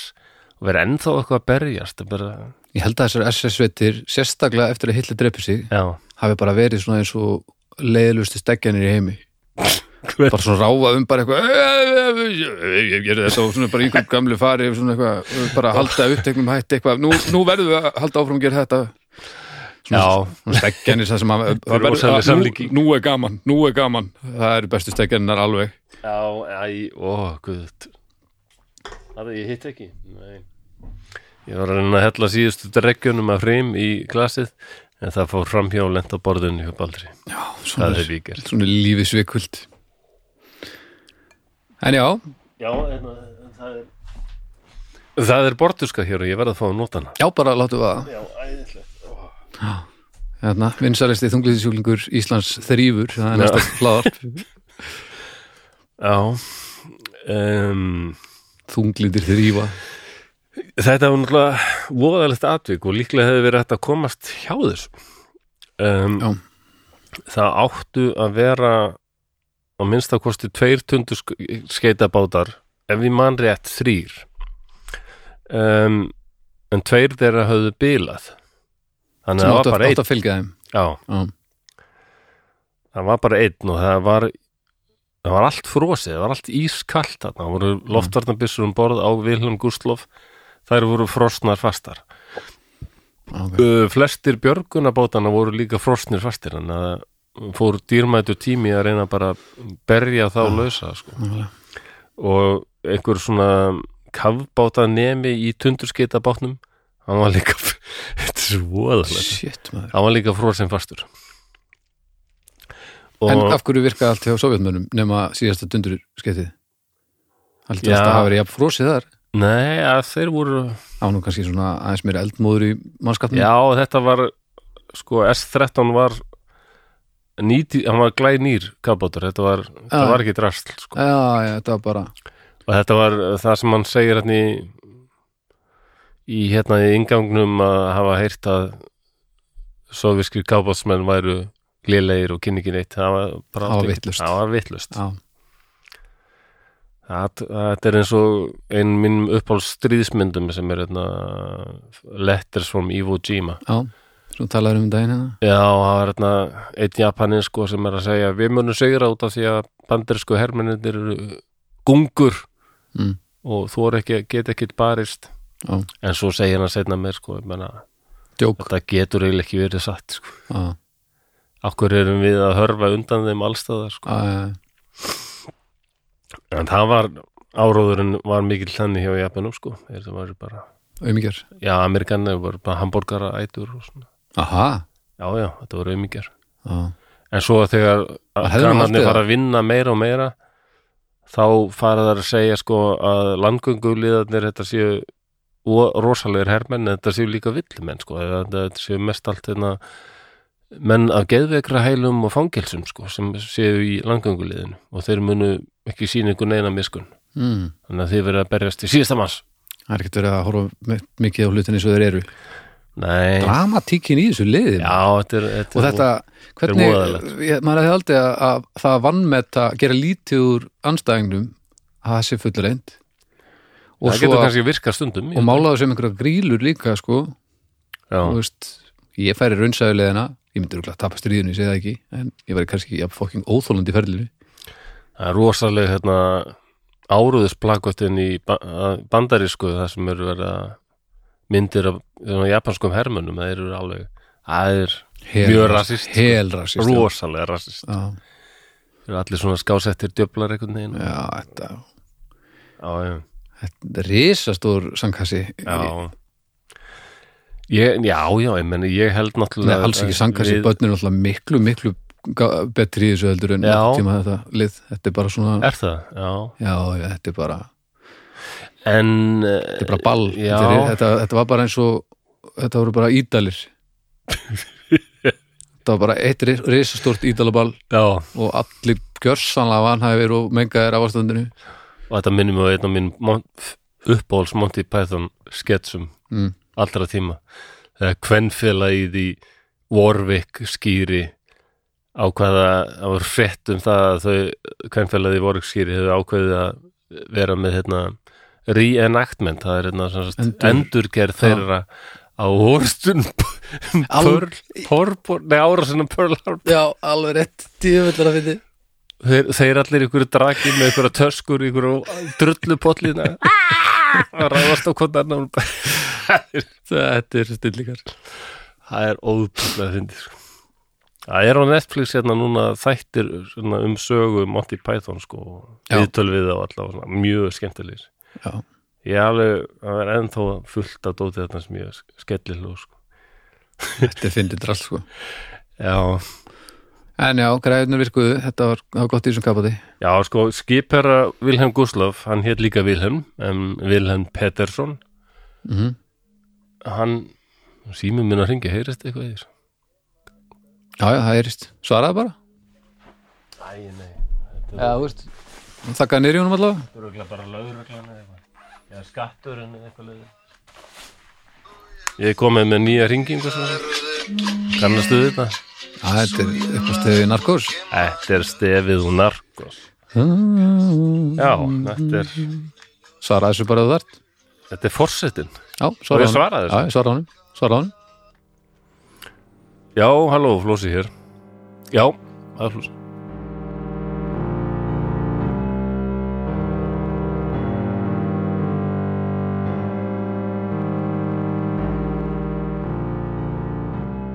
Ég mæti þar. Takk fyrir.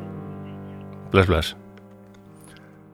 Já, þetta var sem sagt rítari fórseta Íslands Ok, já, spyrja hvort að ég geti komið í kaffi á skrifstofu fórsetans sem sagt, á Mm. þessum tiltekna degi og hvað þegar þú sagði hérna Já, ég veit, var það, mættir ekki komið byssu Nei, ég sagðist alveg vita hvað, hvað er, hvað er Já, já, þetta já. gangi inn sko Já, já. Já, já, það er nefnilega það Glæsilegt Já, en þetta er ekki bara það er, ég held að við eigum núna að ræða eitthvað sko sko ég og Guðni höfum nú lengi hann er náttúrulega sá sem gerði mig vakti upp hjá mér eða þorskastrið sá hann Já, og Guðni er náttúrulega ennþá sakfræðingur sko veitna, já það fyrnist ekki ég vildi hann hefði nú bara haldið áfram að vera sakfræðingur að fara að heita þorsetta jobb en það er víst ágætt Já, hann er góður í, Já, hann er rosalega góður í því. Ég, ég kaus hann á allt, sko. talandi um að tala rúsnesku, Já, hann hefði getað hjálpað okkur hérna á hann merkilegt að vera einu handabandi frá Putin, maður. Mm. En, já, og það, draumur okkur er að það komi út bók um bara með um öll þorskastriðin já, bara stór og mikil með fullt af myndum viðtölum með fullt af fólki alvöru heimild já, bara alveg bara þorskastriðin bara það, allt sem þú vilt vita um þorskastriðin sé bara í þessar bók ég held að viðbröðin Þessa sem við bók fengum vantar. við bara þættinum ég held að sé alveg markaður fyrir henni sko. já, það, það stendur fólki í fyrðu Ah, já, nærri það fannst mér nefnilega gaman að sjá sko. já, ég, það, það var ekki gefið sko. þannig að, já, já, ég held að hann vildi aldrei tala um þetta sko. Nei. hann, já, þetta er, jú, segir nei já, hvað sér þú sagði nei, ég held að hann vildi aldrei tala um þetta og þú sagði bara nei já, svo, svo ég bara, ég heyrði annað Það er gaman að því að heyra annað en raun, mér finnst alltaf ósalega fyndið. Já. En aftur að sættinu. já, aftur að þættinum, þetta var smá hérna, Já, þjóðurhauðingi út í dúr jú, jú. Um, herru býta eins, ég er að fá hérna síntal en nú er að ringið þig núna. herru Angela Merkel Nei, þú ert að grínast. já, nei, ég, ég er bara mist hún, er Já, alltaf- hún er alltaf svo merkelega með sig Ó, ég ætla að reyna að segja þetta. maður. hún er ekki svo eini sem er í fimmurunum Jöfus, jöfus. maður. wow. Já, herru, aftur að þættinum núna í guðanabænum ok. Já, það voru, hann Vilhelm Pettersson, hann þorði ekki að sigla á Hamarsræða sem voru 15 hnútar. ok, Sem er, æ, hvernig maður, ég held að það séu 15 km á klukkustund, ef maður rétt. ég 15 tek ekki núta sem núta kerfið. virðist náttúrulega ekki mikið en fyrir skip er það það er ekkit rosalega hratt menna, Nei, ég veit viðbrastímin til er dæmis að kannski þessar freikátur sem er eh, sem varskipum voru að díla við í þorskastriðinu það er náðalega 30 hnútar hraða sko. en fyrir svona stórt farþegarskip er 15 hnútar líklega bara alveg eðilegt sko. Já, já, þó þetta virkir ekki sem mikill ræði þá þú ert ekki að fara að klossa niður á ljósum, skilur nei, á svona ba- dotti, sko nei, nei en hann sildi bara á cirka 11 til 12 hnúta hraða að því að bæði vegna þess að skipið hafði fram að þessu ekkit verið notað í eitthvað tíma og hann, ég held að hann hafi, ef ég mann rétt á þekkti hann stig, skipið ekkit allt og vel og það var líka, það voru allt og margir um borð eiginlega, heldur en máttu vera þannig að Nákvæmlega. þetta var svona öryggistæmi sko. og líka bara bara upp á að fólki líði ekki hörmjölum borð, sko Já, en það voru alltaf Já, En fólki líði það, hörmjölum núna borð segja sama hvað. sérfræðingar að ef það hefðu verið bátar sitt hvorum megin við skipið að Já. fylgjast með Já, og hann hefði silt á Hamarsra þá hefði S-13 ekki getað ná komið sér í Æ, skotstöði Shit, maður og annað sem var daldið voðalegt að, að hann sildi langt frá ströndinni Mm. út af því að hann var hrættu við að lenda á tundurdublum Já, en, en þ- það voru sumir sem segja að það hefði verið örugara að sil- sigla nær ströndinni sko. hefði hann nátt að vita það á þetta dæmið það? að þessi, hann Pettersson skipara Já, já, það er, þú veist, er, er talið að hann hafi verið að taka slæmar ákvarðanir eða vann hann vel úr því sem hann var með nei, höndum? eftir á þá eru því miður þessar ákvarðanir en það er kannski skiljanlegt svona í ljósið aðstæðina sko. smá pressa, já, það er þannig þú veist en jú, jú, eftir á þá er ef hann hefði verið nær ströndinni og silt ljóslaus sem hann gerði ekki Já, Þá- það er skrítið Já, en það var eitthvað svona hræsla við að lenda í árekstri sko. Já. því að þau voru að flegi ferð til Þýskalands og áttu vona kannski að komast í samband við fleiri skip sko. Af því að voru Já. alveg því skip ekki mjög langt undan og þau komu til hjálpar og náðu að bjarga Já, þessu fólki sko. ok en já, hann- en það var náttúrulega vandamáli hann var, la- hann var hérna taldið langt frá landi mm. og það var kveikt á þessum rauðgrænu ljósum hérna, sem skipinu með til að svo Já. maður viti sko hvað er hérna bakborði og stjórnborði Já. Já. Eh, sumir kalla þetta stríðsklæp að hérna rústninski kapáturinn skuli hafa Skotið, já, já, en það er til dæmis hérna, það er bók, ég veit ekki hvort hún hefur þýtt á ensku eða eitthvað, hún er eftir mann sem heitir Heinz Schön og ég var svona daldið að þykjast vera hann í þessum lestri sko já, ok En Heinz Sjön sem sagt allavega náðu því að faðma mömmu sína, eða ég gerir ráð fyrir því, ég veit ekkert um mömmas, Nei, en hann liði þetta allavega af. á, á, á, Hann var aðeins 18 ára þarna ok og var hérna launarítari hjá þýska flótanum. Já, Já, það voru ekki allir sem voru endilega í fremstu nei, vílinu. ég með það þarf einhver að sjá Nei, nei. papírana Það er bók, nei, það er hérna- bók, það er þættur, hvort er, hann- er á Netflix eða Prime, uh, heitir The Accountant of Auschwitz Netflix, þannig að bókaldarinn í Auschwitz já, það er Netflix Netflix, hefur Já. séð hann kannski Nei, ég hef ekki séð hann en eh, hún er á um hann listanum. hérna, ég held að hann heiti, hvað heit hann, Óskar Gröning eða eitthvað svoleiðis Ok. sem, jú, jú, hann var í SS Mm. en hann var kornungur og hann var bara svona, já, bókaldari Já. hann komst fyrst í fréttinnar þegar hann, hann hún bara ofbauð að það voru svo margir sem voru eitthvað að segja að þetta gerðist ekkit og þetta eru Já, já, þetta er bull og þetta og hann kom bara í fréttinnar til þess að viðtal við henni BBC og hann sagði bara ég var þarna mm. ég sá þetta, þetta gerðist Mm. þetta, þetta var alvöru en svo var lögunum breytt þannig að það voru ekki bara þeir sem tóku aktíft þátt í holocaust, heldur bara voru þarna Mm. það var hægt að sækja þá til saga sko. Já.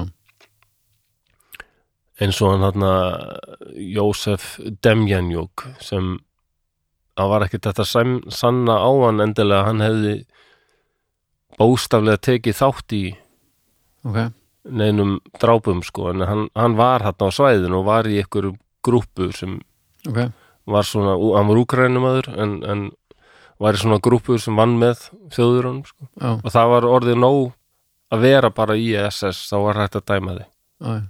eins og hann að gröning var á endanum dæmdur sko Og hve- dómarnir bara já, fólk vildi bara hafa bara hvað? Hvernig dóma voru, voru þeir að fá? Fangi, hann, hann Óskar Gröning var dæmdur í fangilsi sko Já, 97 ára gamall eða eitthvað. jaha já, já en ég held að hann hafa aldrei farið í fangilsi ég held að hann hafa dáið já, sko með setna það er aldrei, já og þessi rétt að það er líka hérna mm, það er líka þættir á, ég held að sem Netflix um Jósef Demjanjók Ok. um, sem kalla sem það var ta- talið að hann væri mjög ítræmdur fangavörður frá þessum tíma sem var kallaður Ívan Grimmi en það kemur já, eiginlega- já, já, já, já Ég hef séð það, hann var The í Devil Ísrael Next Door Var ekki heita í þeir. Ísrael eða? Búin Jú, að planta sér niður hann- í Ísrael hann var fluttur til Ísrael, hann var í Bandaríkjunum eða Kanada Já, var það þannig Já, Damien hann var, Jú. hann var í band, já, já Og, og sóttur, já, já, Já. en hérna alveg rétt en Gröning var svo sett í Þýskalandi og Já. dæmdur þar Já.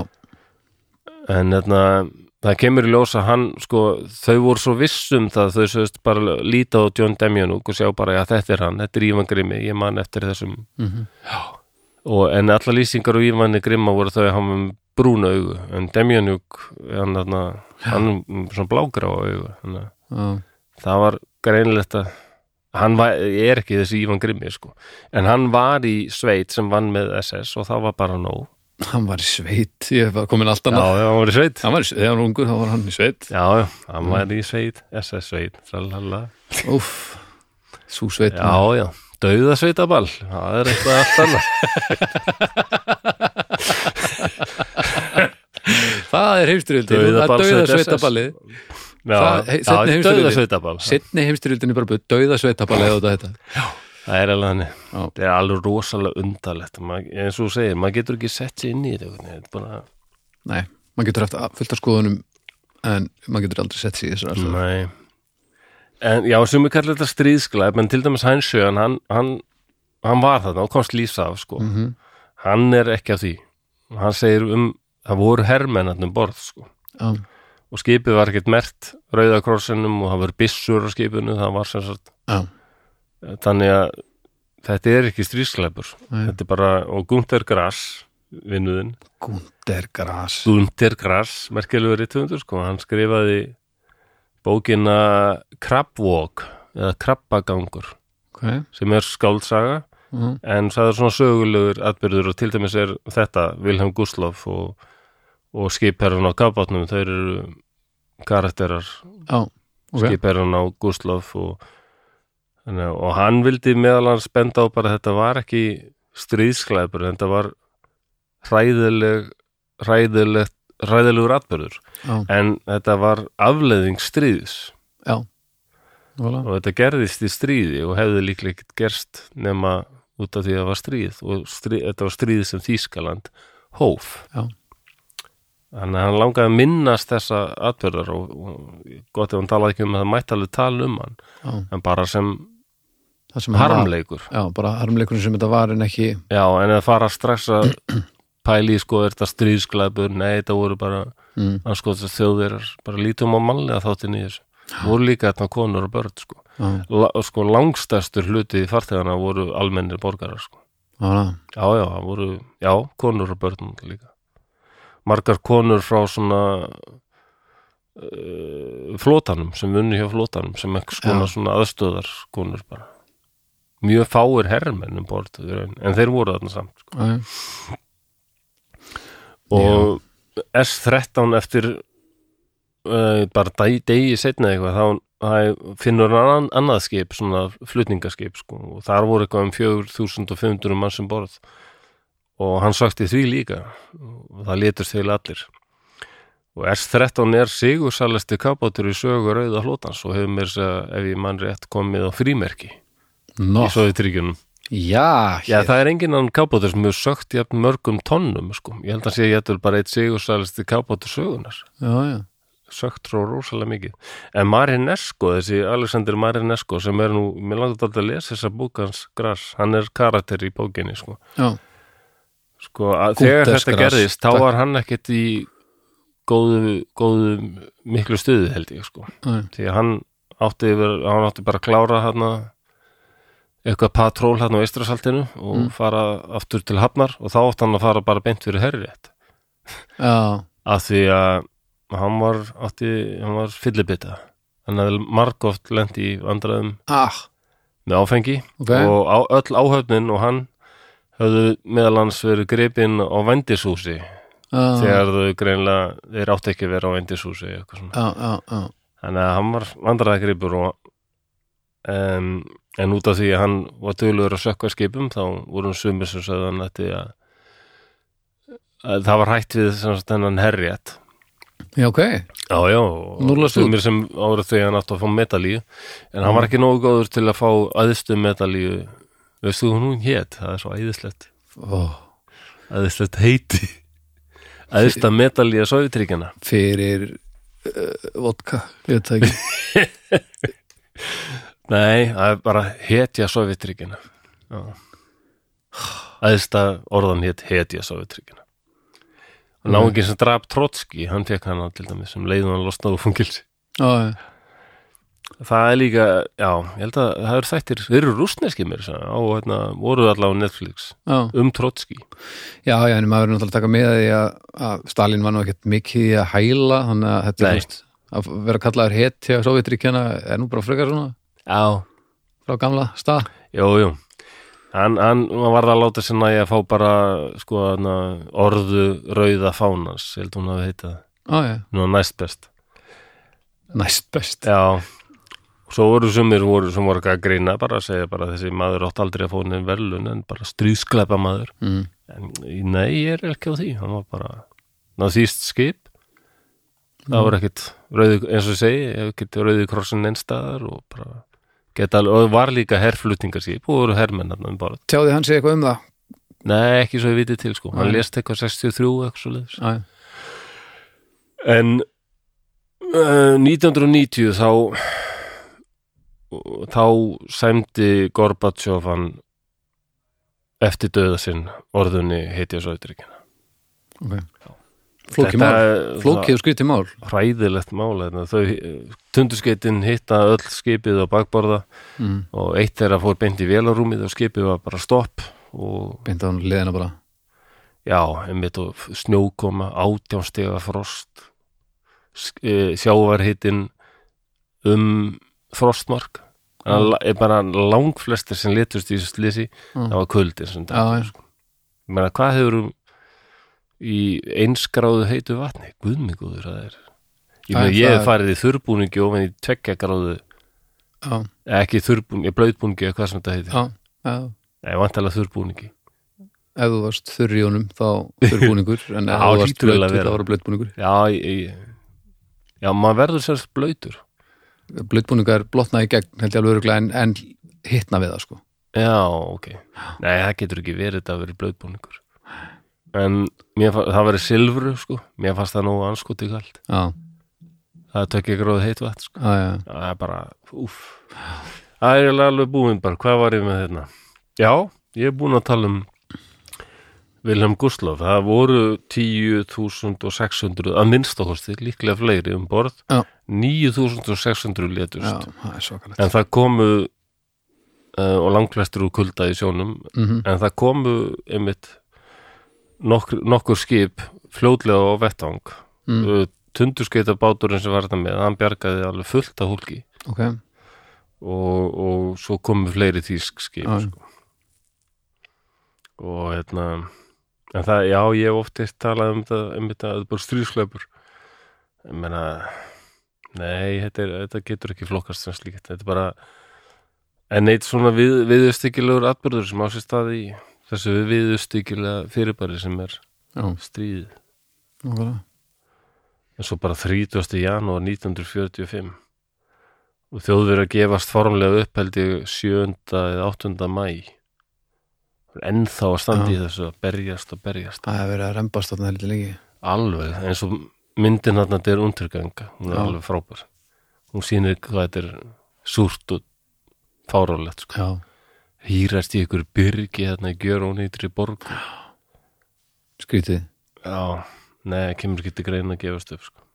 já, það er skrítið að nenna þessu ha, en já, stundum hugsa maður það bara en að nenna þessu hvað er komið að leiðlokum þá bara Já, ég hef ekki meira um þetta sko Nei, þetta var þetta, flókið mál, skemmtilegt Já, við fórum líka viða svona, í útidúrinu voru nokkrir já, daldi mikið þetta var gott, takk fyrir þetta maður Eða ekki, já, og það er sumir Skemmtilegt. sem hafa viljað heyra meira um þetta já, og þetta, já, stríðsaga en, en þetta er versti versti og mesti skipskaði svona já, ég hef aldrei hýrt af þessu sögunar Ef ég hef heyrt aðeins maður að það var heyrir þá- nefnilega lítið um þetta út af því að það er þessi næsir sem að stimpið og þetta var vonda fólkið já, en það, angstæstu hlutin var bara venjulegt fólk sko, já, yes já svona er þetta maður Já, herðu, já uh, Þú- hljóðkirkjan, Lúðkirkjan maður tekja því tekja á þessum þáttum, Dómstafur á mánudegi þú og byrjar á dómstöðu já,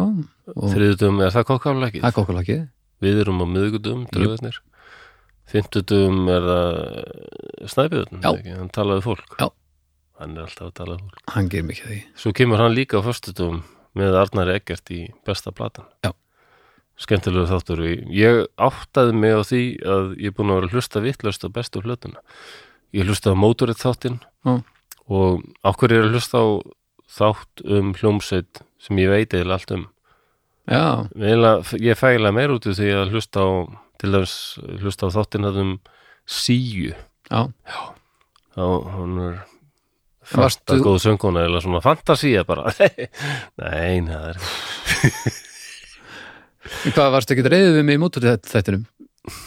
nei, nei, nei. Það er gott Ég, ég þekki svo marga sem eh, segja bara og ég, ég er ekki frá, fjarið því að mótur þetta sé pingu hæpaði sko af því að Þetta er erfitt sko Þetta er þegar þú erum komið holgervík músíklega er þetta svona menna, þetta er Þetta er mjög það sem það er Já, já, en það er bara ímestlegt við þetta band sem er svo einstætt eitthvað, Lemmy og bara þetta tríó, soundið í bassanum og Já, já. bara Gamla og Reykjavík. áhrifavaldarnir sem þeir eru sko. Já, já. Það er staðrænt Bara svo James Hetfield sagði, án mótoröð þá væri engin Metallica. Það er hárétt Já, já, Og svo er líka nei hættun alveg á fyrstu Bara svo við lokum alveg rétt, já. því já uh, Og við viljum þakka uh, bónus Bónusi Bónusi Já, Og- hann bónusinn. og Borgo Bríó Fyrir að taka þátt í þessu með okkur Já, kærlega. Algjör meistarasnild Já. Gerir þetta allt saman miklu öðaldara Mikið. þá, Það þá, gerir er, það. þá er hægt að- að, að setja tilfinnarlegan part af æfi sinni í að gera eitthvað svona og það, það er gott fyrir okkur og vonandi eru þið samanlega því Já, að það það, það munar mikið. um það. Það gerir það. þannig að þið skulið, ef þið viljið eh, styrkja okkur í þessu og, og stiða við baki okkur, þá skulið þið gera vel við kostunar aðila og samstarfsaðila okkar og, og, og láta þið finna fyrir því að, að það skiptir máli að þau séu að hjálpa okkur með þetta hérna Já, þannig að, þannig að þið hafi verið að gera og takk fyrir það og þið með endilega gera það áfram af því þá gengur þetta allt saman upp já. eitthvað að lokum, Nei, nei, bara drekka bríó og borða úr bónus. Jei, jei, jei. wow Eitthvað svona, sko. og er ekkert fyrir þessu Nei, veistla já, já þá segjum við bara takk fyrir í dag og við heyrumst í næstu viku